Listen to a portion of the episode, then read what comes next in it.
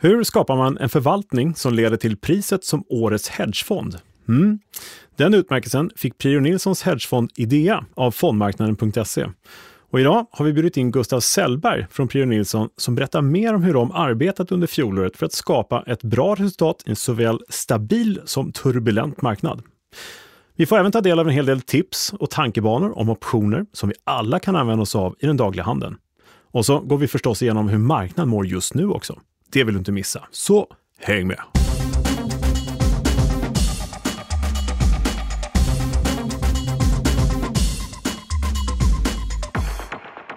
Ja, välkomna tillbaka till Optionspodden. Det här är ju podden serie kunskaper som ingen privat eller professionell investerare på börsen bör vara utan, tycker vi.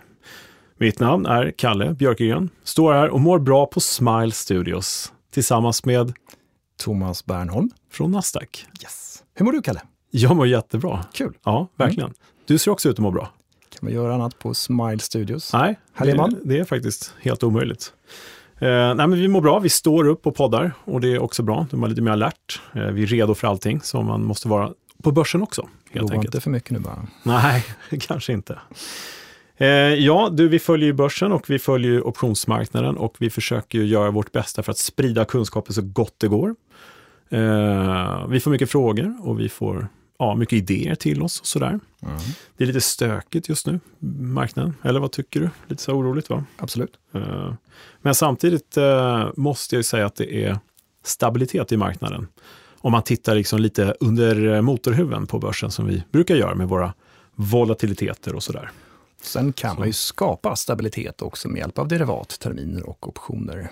Som mm. vi kommer prata lite grann om också. Ja, med Gustav, med, med Gustav här mm. ja, eh, från Prior Nilsson. Eh, extremt intressant. Eh, och ja, det har ju inte varit en lätt marknad faktiskt. Även om det nu gick upp förra året väldigt mycket så, så har det faktiskt inte varit så lätt att liksom handla kanske på det hela mm. tiden. Så ja, det är intressant att höra mer om hur, hur de har gjort. faktiskt. Mm. Och hur mår då marknaden nu då, Kalle? Ja, eh, jag tänkte vi skulle kolla på det. Ska vi helt enkelt kolla under motorhuven och se hur marknaden mår? Det tycker jag. Ja, men då gör vi det. Bra. Ja, hur är då läget på börsen, Kalle? Ja, aktiemarknaden eh, den har ju faktiskt börjat skakigt det här året, eh, som vi redan känner till förstås. Nu är det februari och eh, volatiliteten har ju ja, men varit klart högre mm. nu inledningsvis än kanske under snitt under förra året om man får tänka så. Då. Det var ju eh, bra och harmoniska tendenser hela förra året, så när som på hösten där. Mm. Eh, alla gick och väntade på den stora kraschen eller raset därför att det gick så väldigt bra eh, infriades inte riktigt. Men nu i år så har det varit eh, klart turbulent då i januari.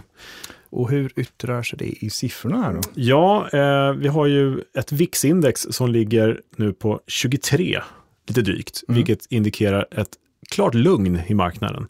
Så återigen så har riskbilden minskat. Eh, där inflationsoron och rapporterna som varit då risk för krig i Europa, och gud förbjude, eh, tar marknaden med lugn faktiskt helt enkelt. Mm.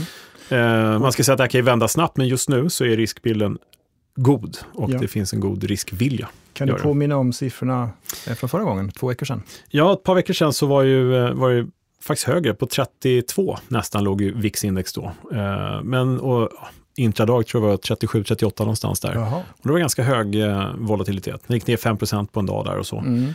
Men det vände raskt neråt igen och nu är vi mot betydligt lugnare nivåer. Om en ja, som jag sa inledningsvis, lite förhöjd risknivå. Men väldigt harmoniskt än så länge. Eh, när vi tittar på nedsidesskydd, SKEW-index, som vi brukar prata om, eh, alltså viljan att betala dyrt för försäkringar längre ner, med lösenpriser längre ner, det är alltså i kronor och ören, eller dollar cents, billigare försäkringar. Då. Så har man relativt sett inte betalat upp för dem. SKEW-index har ju legat, som vi pratade om tidigare, över 150, vilket varit hysteriskt högt egentligen. Och det har ju faktiskt infriats egentligen. Det har ju blivit turbulent. Det har mm. gått ner och det som då var nedsida blev nya at the money och man börjar titta på marknaden på ett nytt sätt. Just det. Och det nya sättet har eh, varit att man är lugn. Man har fått den nedgång och korrigering som man har velat ha helt enkelt. Och nedsidesskydd är inte dyrt längre. SKEW-index ligger just nu på, eller sist jag kollade på 129, under 130. Mm. Eh, normalnivån ska man säga rent eh, ja, men så här, matematiskt är kring 120. Eh, så att det är fortfarande förstås lite förhöjt. Men det är ju långt ner från de här 150 nivåerna eller 140 där det var tidigare. Så det har varit slagigt på SKEW-index, men just nu billigt. Och vad hade vi för ett par veckor sedan då? För ett par veckor sedan så låg ju, ja, då var det 136, det var bara några punkter högre. Eh, jämför med då vad det låg i december, det var upp mot 155. Och det har även varit på 160-nivån tidigare. Och sådär. Men just nu så är det det billigaste nedsidespremien på ja, 15 månader ungefär. kan man säga. Så säger kanske någonting. Mm. Så intresset för nedsidesskyddet är lågt och det är väldigt billigt att försäkra sig faktiskt om man är orolig. Men det är inte den stora breda marknaden just nu. Eh, så ja, väldigt intressant. Och tittar vi då på det som går in på lite mer nörderi. Eh, volatiliteten på volatiliteten, alltså optionskontrakten som handlas på VIX-index. Så kan man ju tänka sig att om man nu tror att det ska bli mer turbulent, om man tror att det ska bli mer stökigt i marknaden, ja då kommer man ju spekulera i det också i form av optioner på VIX-index. Och jämför man då det här VVIX-index som är volatilitetsindex på VIX-index, många VIX, eh, och jämför de två mot varandra, då får man helt enkelt en eh, bra syn på hur man ser på den turbulensen som man tror ska komma framöver. Och för att översätta det på rätt och enkelt sätt så är den här mellan 6 och 7 eller ovanför det så är det en stor sannolikhet för korrigering helt enkelt. Mm. Vi såg ju en nivå på 6,50 ungefär i januari där någonstans. Det. Och det kommer faktiskt en korrigering. Om det är en sanning kan vi liksom inte svara på, men det är bra att hålla koll på det här. Ett hjälpmedel alla gånger. Ja, men det är det ju. Mm. Och då ska man veta att om det blir bekräftat turbulent och VIX-index går upp, ja, då kommer det här indexet sjunka, för då är det redan hänt så att säga. Mm. Det är vad vi befarar ska hända och det är som man spekulerar i ska hända framöver, vilket egentligen är intressant. Nu håller oss så. på halster lite här, men hur ser det ut då? Ja, det här ligger på bekväma 5,4 ungefär eh, just nu. Och den har varit nere under 5 till och med, det här in, ration som man ser då, mellan VIX och VVIX-index. Eh, det här kan man gå in och läsa om på optionsbloggen.se, fördjupa sig lite grann om man inte har vant sig här. Men det här är ett väldigt, väldigt bra eh, mått att titta på som komplement då för att se hur marknaden faktiskt mår.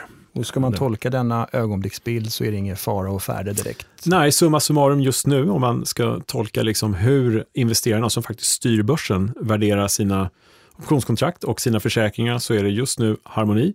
Det är avvaktande, det är sidledes eh, marknadsläge och ja, det är lugn. Kanske lugn för stormen, det vet man ju inte. Men just mm. nu är det harmoni faktiskt. Ja, det kan ju ändras fort som du brukar säga. Ja, men så är det ju alltid. Vi vet ju inte, det är ju hela eh, tjusningen med finansmarknaden och framförallt optionsmarknaden. Vi vet inte vad som händer imorgon. Så den som säger att vi vet vad som händer imorgon, hitta på helt enkelt. Men det här är det bästa, vi, vi kan inte göra annat än gissa och det här är de bästa parametrarna vi har för att kunna gissa så bra som möjligt helt enkelt. Ja. Och eh, hur ser det ut då i eh, enskilda papper och vår egen marknad mm. här mer specifikt? Har du någonting att berätta om där? Eh, alltså vårt eget index, då, MEX-index, eh, ligger då på implicit volatilitet, risknivå 22,25 procent eller 22,5 eh, ungefär.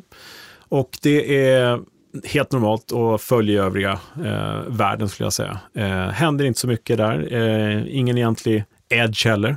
Det ligger precis värderat där det har rört sig. Så även här är det väldigt avvaktande och det är normala nivåer och eh, om något då de enskilda aktieinnehaven, eller innehaven, underliggande aktierna har något förhöjd eh, volatilitetsbild eller riskbild har de. Mm. Uh, det berörde du förra gången lite mm. också, rapportperiod och så. Ja, det ja. spelar in lite påverka. Såklart. Men här ska vi faktiskt uh, säga att uh, de flesta aktierna överlag här har efter den här turbulensen stigit lite grann i risknivå i den implicita volatiliteten. Och även utan parametern att det är rapporter så tycker jag mig se att det är, det är högt värderat, det är det mm. faktiskt. Så att eh, en viss höjd för eh, större risk finns det definitivt där ute. Ja. Eh, tittar vi på enskilda aktier så är det många som har tittat på Hennes Maurits till exempel, som har rapporterat bra och sen så varit på tapeten på olika sätt. Eh, Hennes Maurits har eh, ganska låg volatilitet ska jag säga, har sjunkit ihop eh, sista veckorna från den rapport, rapporten, då, helt naturligt, ner till 29 procents vol. Och tidigare var det närmare 40. Då, så att, eh, det är mer klädsam volatilitet. Ja, lite så. Och den som eh, vill liksom spekulera i Hennes Maurits eh, med att det ska stiga iväg har billig premium historiskt sett också. Så ja, kan vara någonting att titta på för de som är intresserade av det pappret. Det har hänt en del där i alla fall. Eh, Sinch, kul. Får mycket frågor om Sinch. Det är 122 procents vol. Det är ganska dyrt. Mm. Men det är också väldigt volatilt papper. Eh, det har en ganska fin edge också. Och likaså här kan man kika närmare på optionsbloggen.se. Jajamensan, där, går, där sammanfattar vi allting också. Och även övriga eh, utanför OMXS30-aktier mm. eh, tar vi med där också. Med Volvo Cars. Mycket frågor om Volvo Cars. Mm. Så missa inte det, kika in där. Mm, precis. Så det är bra att hålla koll på. Här har man ja. de extra parametrarna som, eh, även om man faktiskt inte handlar optioner, så är det Exakt. bra att hålla koll på. Exakt, det är en bra poäng. Mm. Något avslutande om enskilda papper här? Eller? Eh, nej, egentligen bara hålla koll över linjen här med eh, under rapporterna specifikt, då, för då brukar det hända lite saker. Mm. Och eh, sista veckan också innan lösen, den tredje veckan i lösenmånaden, brukar det hända en del saker också i de papper som är lite mer likvida. Så de kan man titta på. Bra. Men du, eh, vi har ju också någon med oss här idag som kan berätta lite extra om, om eh, hur man skapar Sveriges bästa hedgefond eh, enligt fondmarknaden.se. Mm. Eh, Gustav Sellberg från Prior Nilsson Fonder. Ska vi kolla hur det är med honom? Det tycker jag. Fråga hur han har gjort. Gör vi det? Bra. Ja, men då säger vi varmt välkommen till eh, Gustav Sellberg från Prior Nilsson Fonder. Varmt välkommen Gustav! Tack så mycket! Ja, välkommen! Ja. Trevligt att ha dig här! Ja, hur är läget, måste vi fråga. Jo, men jag tycker att det är väldigt bra. Det måste jag absolut säga. Mm. Det är ju lite turbulenta marknader just nu, så mm. att, eh, mycket att göra. Men, mm. men det är roligt. Ja, det gillar vi ju. Många eh. möjligheter kanske också. Precis. Ja. Mm. Men du, berätta lite om dig själv. Ja, Gustav heter ju jag. Jag jobbar på Prio Nilsson Fonder. Jag har varit förvaltare där i tre år. Och eh, innan det så har jag haft lite olika investeringsroller inom eh, fastigheter, varit på Brummer. Lite mm. Kul! Lite, lite brett. Ja, ja kul. Ja. Och eh, lite om din bakgrund är alltid kul att höra också. Ja, precis. Jag var lite grann eh, inne på det där. Men eh, jag har en teknisk fysik i grunden och sen så var jag väldigt nyfiken på optioner och investeringar och då tog man sig in i näringslivet. Mm. Och eh, ja, allt från corporate finance har varit lite grann på och även direkta investeringsroller inom fastigheter. Mm. Och när fick du upp ögonen för derivat och optioner i synnerhet? Var det tidigt eller? Var det... Ja, alltså om man börjar på aktiesidan så var ju det egentligen någon gång tidigare tonåren. Aha. Och sen så kan man säga att i början på universitetsstudierna då var det mycket optionsintresse. Det, det. Ja. ja, det känns så att eh, dina studier var lite inriktade mot lite mer avancerade delar. Ja, precis. Egentligen ja. från början så var det ju fysik och mm. sen så var det ju senare år sen som man kunde välja en profil. Ja. Då passade ju finansmatt jättebra då i och med att jag hade så stort ekonomi och ja. företag och aktieintresse. Kan man säga. Ja, kul. Och det var mycket matematik och sådär? Det kan ju vara ganska bra om man håller på med optioner och har mm. den här bakgrunden. Sen är det inte mm. någonting som man måste ha. Men om man verkligen vill djupa dykt i detaljerna, Aha. då är det ju bra. Bara en parentes där, har du alltid varit intresserad av det här med ja, men, räkna, matematik och så? Har, eller var det bara någonting du tänkte att du ville bli bra på? Uh, det har nog fallit sig ganska naturligt ja. kan man säga. Då var optioner rätt väg att gå in i finansmarknaden också kanske? Ja, det blev jag med så. i alla fall. Ja. På tal om det, hur kom du in i marknaden? Då? Hur kom du in i själva finansmarknaden? Alltså, var, var, var det en slump eller? Nej, alltså egentligen så när jag var klar med studierna då hade jag haft lite mer finanskurser och haft det här intresset. Då tänkte ja. jag kanske corporate finance liksom, ja. som, som, det första eller jobba på någon investmentbank och sådär. Mm. Sen av en slump så blev det på fastigheter. Och sen så kände jag lite grann att nej, men jag måste nog försöka räkna lite på de här mattekunskaperna. Och då gjorde jag det lite grann på Brummer. Så kom jag lite för långt bort från investeringarna, det som jag faktiskt brinner för, ta investeringsbesluten. Ja. Tillbaka på Kungsleden, mm. väldigt mycket på investeringar. Ja. Och sen nu på Prio Nilsson. Så man har ju lite grann navigerat fram och tillbaka mellan ja. de områdena kan man säga. Kan du berätta lite mer om Prio Nilsson Fonder, hur ni arbetar där? Absolut. Nej, men vi är i kärnan ett äh, aktiehus där det är fem aktienördar egentligen som jobbar på förvaltningssidan. Och sen så kan man egentligen säga att det finns olika produkter kring det. Ja. Och däribland är det två hedgefonder. En som heter Yield som har lite lägre risk, som är mer som ett räntesubstitut. Mm. Eller cash på banken kan man också säga. Ja. Och sen finns det Idea då som är lite mer, som är också en hedgefond som har lite mer en, en allokeringsprofil. Ja. Just det. Det, är, det låter som ett tryckt eh, med aktienördar. Det är ett gott tecken för alla eh, andelsägare där tycker jag. Ja, precis. Och man ja. kan ju säga att kring det här då så är det ju ett antal då aktie, rena aktiefonder. Och det kan ja. vara allt från Realinvest som investerar i mycket reala tillgångar, skog, fastighet och så mm. vidare. Det kan vara Sverigemandat, det kan även vara lite andra varianter. Ja. Men när det gäller just fonden Idea, som säger, eller Idea, det är folk som säger lite olika vad jag förstått där, så utsågs ju den till årets hedgefond av fondmarknaden.se. Uh, jättekul, stort grattis till det till att börja Grattis. Ja, tack så mycket. Ja. Uh, och vad är din roll i just den fonden? Hur arbetar ni där? Ja, man kan säga övergripande så för, för alla produkter så är jag ansvarig för räntesidan och även för derivatsidan, vilket vi ska prata lite mer om idag. Mm, ja. Sen har man ju även lite vissa specialnischer som egentligen alla olika har på företaget. Och min är då bland annat fastigheter och någon annan kan vara redovisning till exempel. Mm. Och hur ser din arbetsdag ut mer sådär i detalj i så fall? Hur, hur jobbar du? Ja, på morgonen så blir det ju mycket att smälta allt som har hänt medan man har sovit. Mm. det kan vara allt från bolagsrapporter, det kan vara mycket marknadsdata, makrodata, den typen av saker. Just det. Så att mm. först läsa på mycket om det. Sen, sen öppnar ju börsen och då börjar allting röra på sig. Ja. Och då handlar det ju väldigt mycket grann att se om den nya informationen som har tillkommit speglar den de faktiska kursrörelserna som sker. Mm. Oavsett om det är på aktiemarknaden. På ja, just det. Du har ju många järn i elden liksom i din arbetsvardag. Du täcker många positioner sådär. Tittar på det på liksom aktiemarknaden generellt förstås, men även då på optionsmarknaden. Eh, har du ständig koll liksom på vad volatiliteter och värderingar på det sättet? Eh, eller mest på indexvolatilitet kanske? Eller hur jobbar du där? Man kan väl egentligen säga att uh, man har ju en syn och man ser ju lite grann hur det där sker i det stora hela. Sen så om man tittar på ett individuellt innehav eller en individuell position, mm. då är ju också vilken volatilitet och alla andra greker och allt hur det där beter sig, mm. är ju en pusselbit i det hela. Så att någonstans så tycker jag det är kul på derivatsidan att man kan egentligen lite kirurgiskt uttrycka sin vy. Just, mm. Att det inte bara upp eller ner som egentligen är en lång eller en kort aktie, utan man kan tycka, ja men hur mycket upp eller hur mycket ner? Ja. Mm. Och då är volatiliteten en liten nyckel på, ska man köpa volatilitet, ska man sälja, ska man hantera aktien eller vad ja, ska man liksom?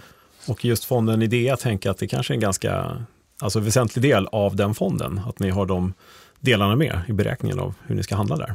Jo, men precis. Mm. Det är ju en produkt där det inte bara är uppsidan som är det viktiga. Nej. Utan går börsen ner 10 procent, mm. mm. då ska vi kanske gå ner hälften av det. Mm. Och det gör ju då att det går lite snabbare att komma, komma tillbaka. Mm. Så att derivaten, och det kan ju bara säga om, oavsett om det är indexoptioner eller om det är futures, så kan man då justera sin nettoexponering och få lite av den här konvexiteten när, när det går ner väldigt snabbt. Mm. Och vad baserar du besluten på där, när det gäller terminer kontra optioner och sådär? Ja, alltså lite om man tar på indexsidan och indexskyddet mm. så kan man väl egentligen säga att det är lite bättre att försäkra huset när det inte brinner. Mm. Mm. Och det gör man ju då genom att volatiliteten under lite lugnare förhållanden, då är inte den så hög. Så då är det inte så pass dyrt att köpa indexskydd en bit ner. Ja, eh, Medan man kan säga att mitt under rådande om det brinner, då är det, tycker jag det är bättre att man hanterar det med futures. Just För att annars så betalar man väldigt, väldigt mycket för mm. något som redan lite grann har skett. Ja. Just det, intressant. Just det, olika scenarier i marknaden som kan uppstå. Så att det, ja, men för närvarande är det lite stökigt. Lite krigshot i Europa och ja, vad det kan vara, inflation och sånt där.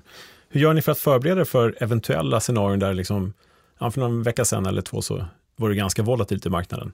Hur gör ni för nya sådana rörelser? Hur tänker ni där liksom, om det skulle ja, blir turbulent igen på riktigt då? Ja, alltså det blir mycket av det här långsiktiga plan planerandet. Mm. Det kommer ju in i form av att när är det kostnadseffektivt egentligen att, att bygga på sig? Man kan ju tänka att man eh, hamstrar lite skydd, ja, kan man ju säga nästan lite grann. Ja, och då har man ju möjlighet att sälja av en del, delar eller hela det där under vissa andra förutsättningar. Mm.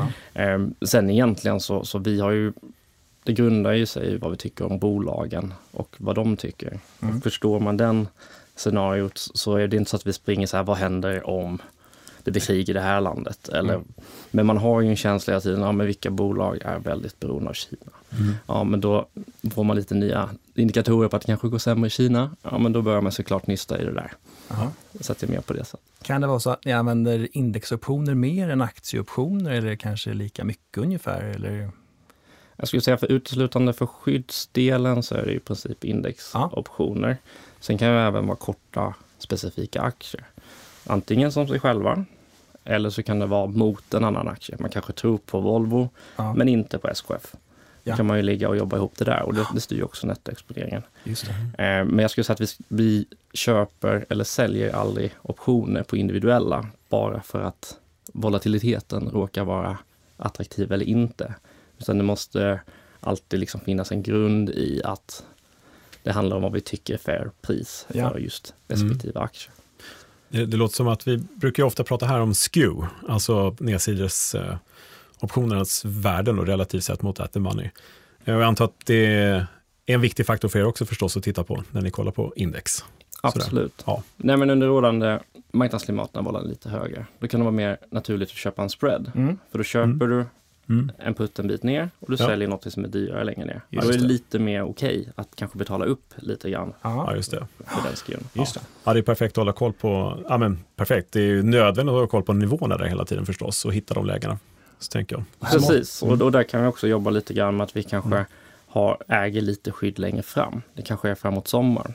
Just då kan man ju också vara har faktiskt en ratio som, som är en mm. viss favorit har fått viska till mig. Att man, faktiskt, man kan faktiskt våga stå på sig och vara kort någon extra mm. indexoption när den är, så länge man har andra positioner mm. mot. Just det. Du sa det bra tycker jag, bunkrar, premium på nedsidan. Hamstra tyckte jag det var. Hamstra ja. kanske det var, bunkra hamstra. Märkliga ord här. Ja, det, men det, det, man, man förstår hur tänker och det låter liksom, eh, ja, praktiskt och bra. Ja, precis. Och rent kring volatilitet. Vissa är ju väldigt fokuserade med att antingen alltid köpa volatilitet eller mm. att sälja volatilitet. Mm. Jag ser lite mer pragmatiskt på det där. Att det är lite grann upp till marknaden att säga att man har en vi, man vill ha en viss exponering. Då blir det liksom som en del i pusselbitet att lägga sitt större pussel. Just det. Mm. Ja, man läste om eh, eh, Idea, eller Idea, hur man nu säger. Ja, alla säger olika. Alla säger olika, det är tillåtet. Nej, men eh, det är ju en, eh, fonden har gått väldigt bra och ni har med all rätt fått en eh, fin utmärkelse för årets bästa hedgefond. Men det här med att sänka risken i förvaltningen utan att minska möjligheten till en god avkastning. Där ligger lite hemligheten där, titta på nedsidan kanske, tänker jag, och, och använda sig av just optioner och derivat på det sättet. Jo, men så är det absolut. Så, ja, det är kul att det, det, det funkar, höll jag på att säga.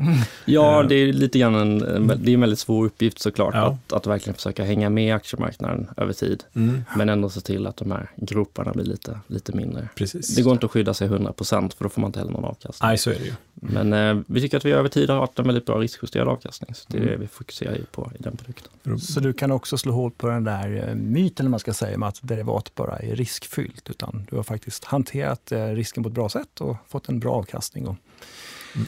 Många säger ju det annars, mm. hävdar Jo, ja, jo men där, där, kanske man kan säga något som är lite intressant. Att egentligen så är ett, en option alltid lägre risk än underliggande motsvarande position. Mm. Så är du kort en putt, då får du i alla fall in en premie och du kommer oftast kanske in på en lägre strike om du positionerar rätt där. Så att du har alltid lägre risk på ja. ställd putt. Klokt. Jämfört med den vanliga i den enkla positionen, ja precis, ja. kan man faktiskt fundera på. Det är väldigt klokt. Jag måste ju nästan fråga om du har någon eh, favoritstrategi? Ehm, mm. Sådär generellt, eller är, det många som kanske är, är lika gångbara? Men finns det någon som du tycker är extra trevlig? Alltså jag, jag, tycker egentligen att det är intressant att titta utifrån grundpositionerna ja. egentligen. Mm. Och sen så snarare så bygger man ett pussel av sin vy. Ja. Alltså man kanske tror att någonting ska upp, fast det kanske inte ska gå upp just nu. Då kanske du kan sälja någon call emot. Eh, men vi har ju oftast alltid ett innehav som grundposition, oavsett om vi är långa eller korta. Men då kan du till exempel köpa en call längre fram. Mm. Om du har sålt den korta och du har aktien bygga vidare liksom lite grann sådär. Ja, så jag tycker man kan pussla rätt så mycket mm. för att få den här lite kirurgiska synen på, mm. på innehaven. Ja, vi har pratat om att bygga lego. Så man stöter ja. på lite bitar sådär. Och Precis. Ja, men det är ju det är väldigt ja. likt och annars är det väl en eh, en vagga tycker jag kan vara trevligt om, ja. om man har en väldigt syn på att den här aktien ska ligga i det här området. Ja. Mm. Den kommer inte röra sig för mycket. Man gillar ändå aktier, man kan tänka sig att äga den. Ja. Så vagga på befintligt innehav. Just det. Annars så tycker jag att ration har ju väldigt mycket fina liksom... Det där gillar jag! Det bra grejer. Ja. Men då tycker jag att man ofta ska kombinera det med någonting, någonting annat. Det kan ju vara att man har en ratio på OMX ja. samtidigt som man är kort future. Ja. Då har man, det blir nästan som en covered call på nedsidan på det som är extra. Ja, så man kan liksom hålla på och snurra det där lite grann. Ratio mot innehav brukar jag prata om. Ja, ja. jag hörde vagga mot innehav. Alltså, ja, det finns ju många exakt. fina exempel. Ja, kul. Jag, jag tänkte lite nyfiken bara, om du, tar en så här, om du köper en kol en bit bort till exempel. Hur hanterar du tetat där till exempel? Eller köper du kanske en kolspread eller eh, ja, lite så. Tidsvärdet alltså menar du? Ja, precis. Ja, ja mm. exakt. Bra. Nej, men egentligen så, så, behöver man inte heller se varje position mot sig själv. Så det är inte så att, att vi känner att vi måste finansiera en call eh, om vi tar den positionen med samma papper. Och sen så är vi ju helt okej också med att punga ut en viss ja. premie och sen så får den ticka och det, det motsvarar den exponeringen. Mm. Sen är det ju lite att man ska inte ta, speciellt om man säljer volatilitet, då blir det som små dynamitgubbar överallt. Så mm, man får ju ändå ja. förstå att derivat kan ju vara det mest farliga och explosiva man kan ha. Ja. Men som instrument som sådant ja. så är det egentligen inte farligt. Och så länge du förstår dig på den risken, då vet du exakt vad som gäller när du tar på den också.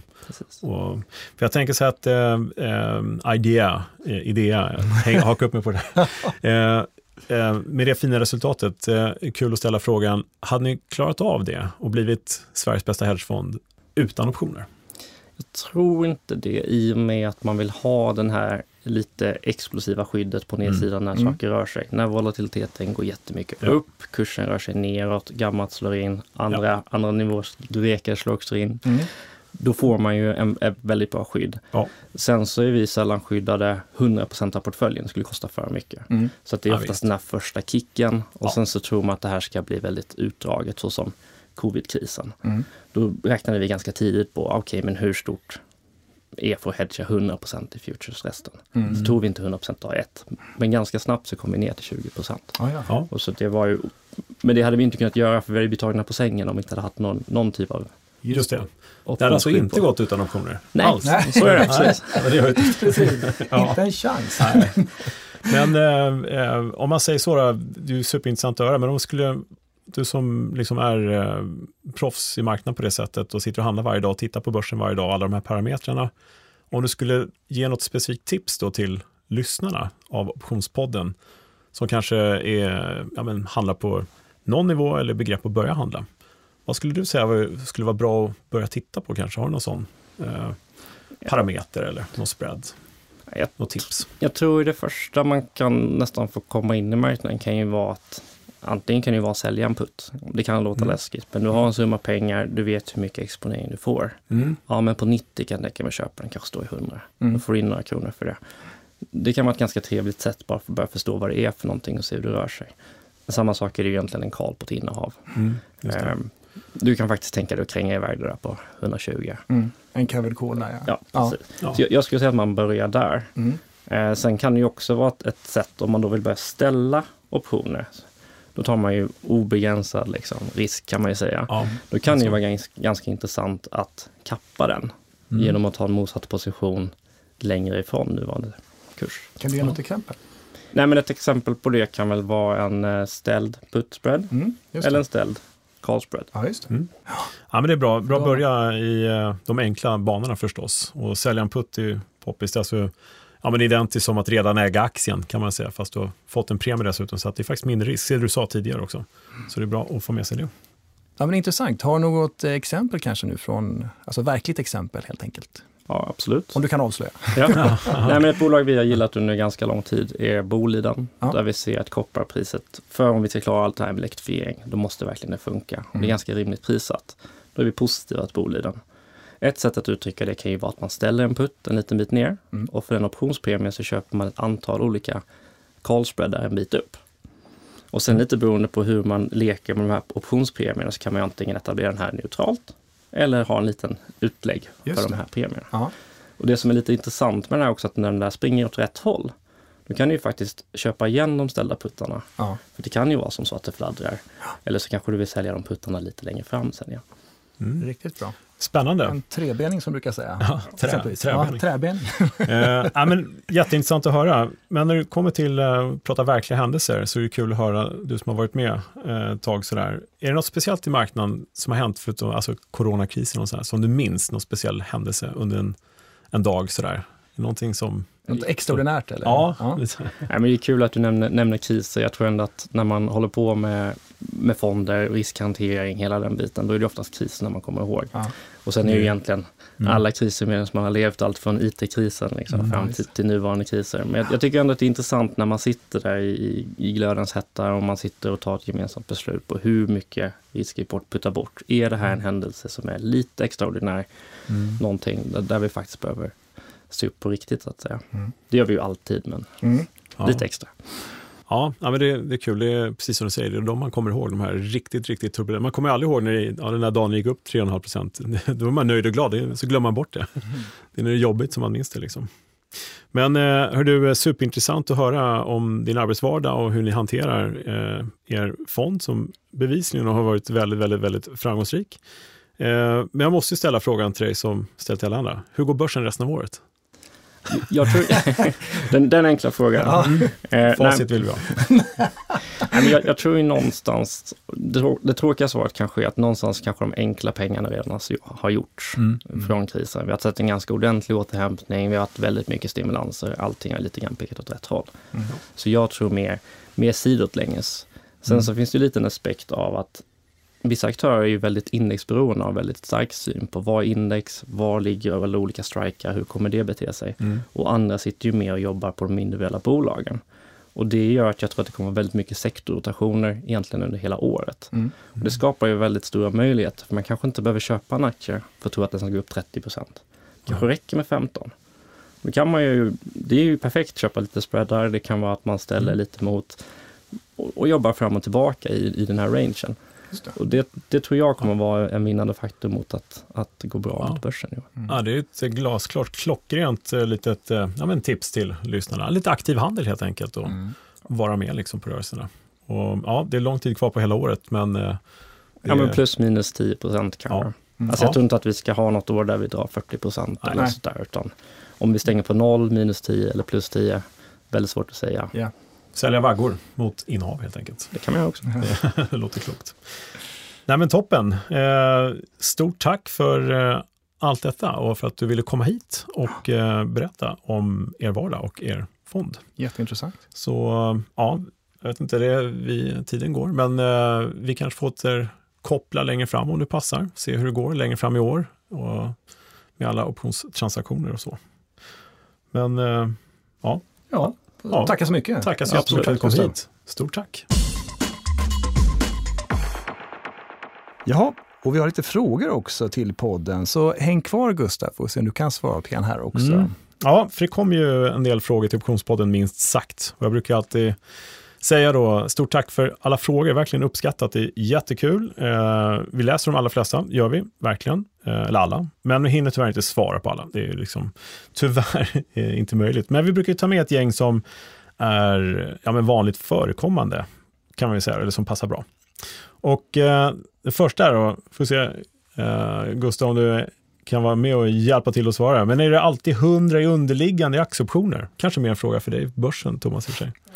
Man kan ja. väl säga att huvudregeln är oftast att det finns 100 mm. och på väldigt många plattformar så är de väldigt duktiga på att skriva hur många som är underliggande. Men till exempel ja. när det blir en extra utdelning, då brukar man justera antalet och även strikarna. Mm. Och då kan det vara 102 till exempel. Ja, eller en emission, emission kan det också bli lite annorlunda. Men det brukar alltid kontraktet kompletteras med ett kryss, ett X. Mm. Och då känner man till att det är någonting som har hänt. Här. Skett. Någonting och har det skett, ja. skett flera saker, kommit Y också. Det kan till och med bli ja, ett Z. Då har det hänt mycket kan man säga. Aha. Ja, så man kan hålla utkik efter de ja, men bokstäverna. Precis. Men det, annars är det den standardiserade marknaden vi pratar om, det är nästan till allt i övrigt, eller det är alltid 100 underliggande i grundutförandet. Då. Mm. Sen har Björn ställt en fråga som är lite intressant. Det är strax dags för utdelningar. Hur ska man tänka inför utdelningssäsongen när det gäller optioner? Hur tänker du, Gustav, när det kommer utdelningar? Ja, alltså marknaden är ju ganska duktig på att prisa in den här typen av effekter. Kursen mm. brukar alltid justeras för utdelningen lika stort, ja. plus den dagliga rörelsen. Sen så ibland så finns det lite osäkerhet på marknaden, att till och med market makers och banker kan vara lite osäkra på, men kommer de höja? Hur stor mm. kommer den bli? Ja. Och då är det inte alltid så att det är rätt pris, 100 procent. Men överlag så kan man ju säga att det är alltid inprisat. Mm. Och sen är det lite speciella situationer, framförallt en dag innan. Um, utdelningen. Precis på X-dagar. Mm. Och då kan det under vissa förhållanden vara fördelaktigt att lösa den i förtid. Det är oftast den väldigt mycket in the money. Ja, just det. Den lilla strategin early exercise. Mm. Uh, ja, den Bruk uh, är ju intressant att gå in men den tar vi på optionsbloggen.se om man vill Precis. veta mer om. Uh, för att spara lite tid, tänkte jag. och Leila har frågat, kommer ni från Optionspodden hålla något webbinarium om, om optioner framöver? Kommer vi det Gustav? Ja, precis. ja, men det låter väl inte som en så, så dum idé. Det kanske är någonting att ta upp här. Ja, eh, det här är en fråga som dyker upp ganska ofta faktiskt. Eh, om vi ska hålla någonting lite mer live, eh, lite mer så här. Mm. Eh, och, eh, och Gustav svarade ja, så det, ja, då, då, blir det så helt enkelt. Det är bra Gustav, då, mm. då, då gör vi det. Mm. Ja, men det är klart vi ska göra det faktiskt. och speciellt med det vi gör i kulisserna också. Mm. Vi satsar ju mycket på att vi ska utbilda och sådär. Så att det kan vi nästan till utlova utan att sätta något datum. Bra. Så, tack för det. Bra Gustav, tack. eh, det är dags att sammanfatta det här avsnittet. Eh, superintressant att ha med dig, Gustav, som sagt. Tack mm. snälla för hjälpen med frågorna. Eh, kul att få lite extra instick där. Eh, och vi har ett ordspråk, eller vi har flera faktiskt. Eh, det har blivit en liten grej och vi brukar få in, skicka en hel del. Men idag så tänkte jag säga så här. Know what you own and know why you own it. Klokt. Lite avdelningen god riskkontroll. Håller mm. du med om att det är bra, Gustav? Ja, men det tycker jag låter jättebra. Ja. Och vem ligger bakom detta? Ja, det är Peter Lynch, den gamla klassiska. Han är också, en, som du, hedgefondsförvaltare, typ. Ja, jag tyckte annars en kul grej att säga att the market can stay rational longer than you can stay solvent. Och det är mm. lite grann på samma tema. Och jag tycker det är en intressant aspekt i det där att vad är rationellt? Det är väldigt subjektivt. Mm. Ja, det är det. och det gör ju sådär att du kan ha mm. rätt, fast det kan ta lite längre tid. Just. Exakt så. Ja, ja klokt. Många goda. Ord. Ja, jättebra. Ja. Tack för det. Ja, super. Ja, det är väl uh, som vi alltid nämner, vi skulle kunna stå i en timme till och prata. Men uh, det är dags att avsluta. Och följ oss. Vi har ju då optionspodden.se för tidigare avsnitt, som sagt. Optionsbloggen.se för uh, ja, mängder med artiklar. Följ mig på Twitter, att se Björkegren. Ställ frågor där, där är jag hyfsat lättillgänglig, känner jag. Eh, ja, vi har optionsplay.se, optionskurs.nu. Ja, sen är det slut på reklamen brukar jag säga. där. Men det är Facebook också va? Ja, Facebook. Enspiri Academy på Facebook. Ja. Eh, det var någonting kvar att sälja. Det var bra. Det var det. Men eh, med det sagt, eh, återigen, Gustav, stort tack för att du kom hit mm. och vi äh, återkommer gärna till dig framöver. Äh, Thomas, tack för att du kom hit. Tack så Återkommer gärna till dig också framöver. det låter bra. Ja. Och tack Smile Studios och äh, Pontus. Bra. Ha det fint. Samma. Vi hörs. Tack. Hej. Hej. Hej.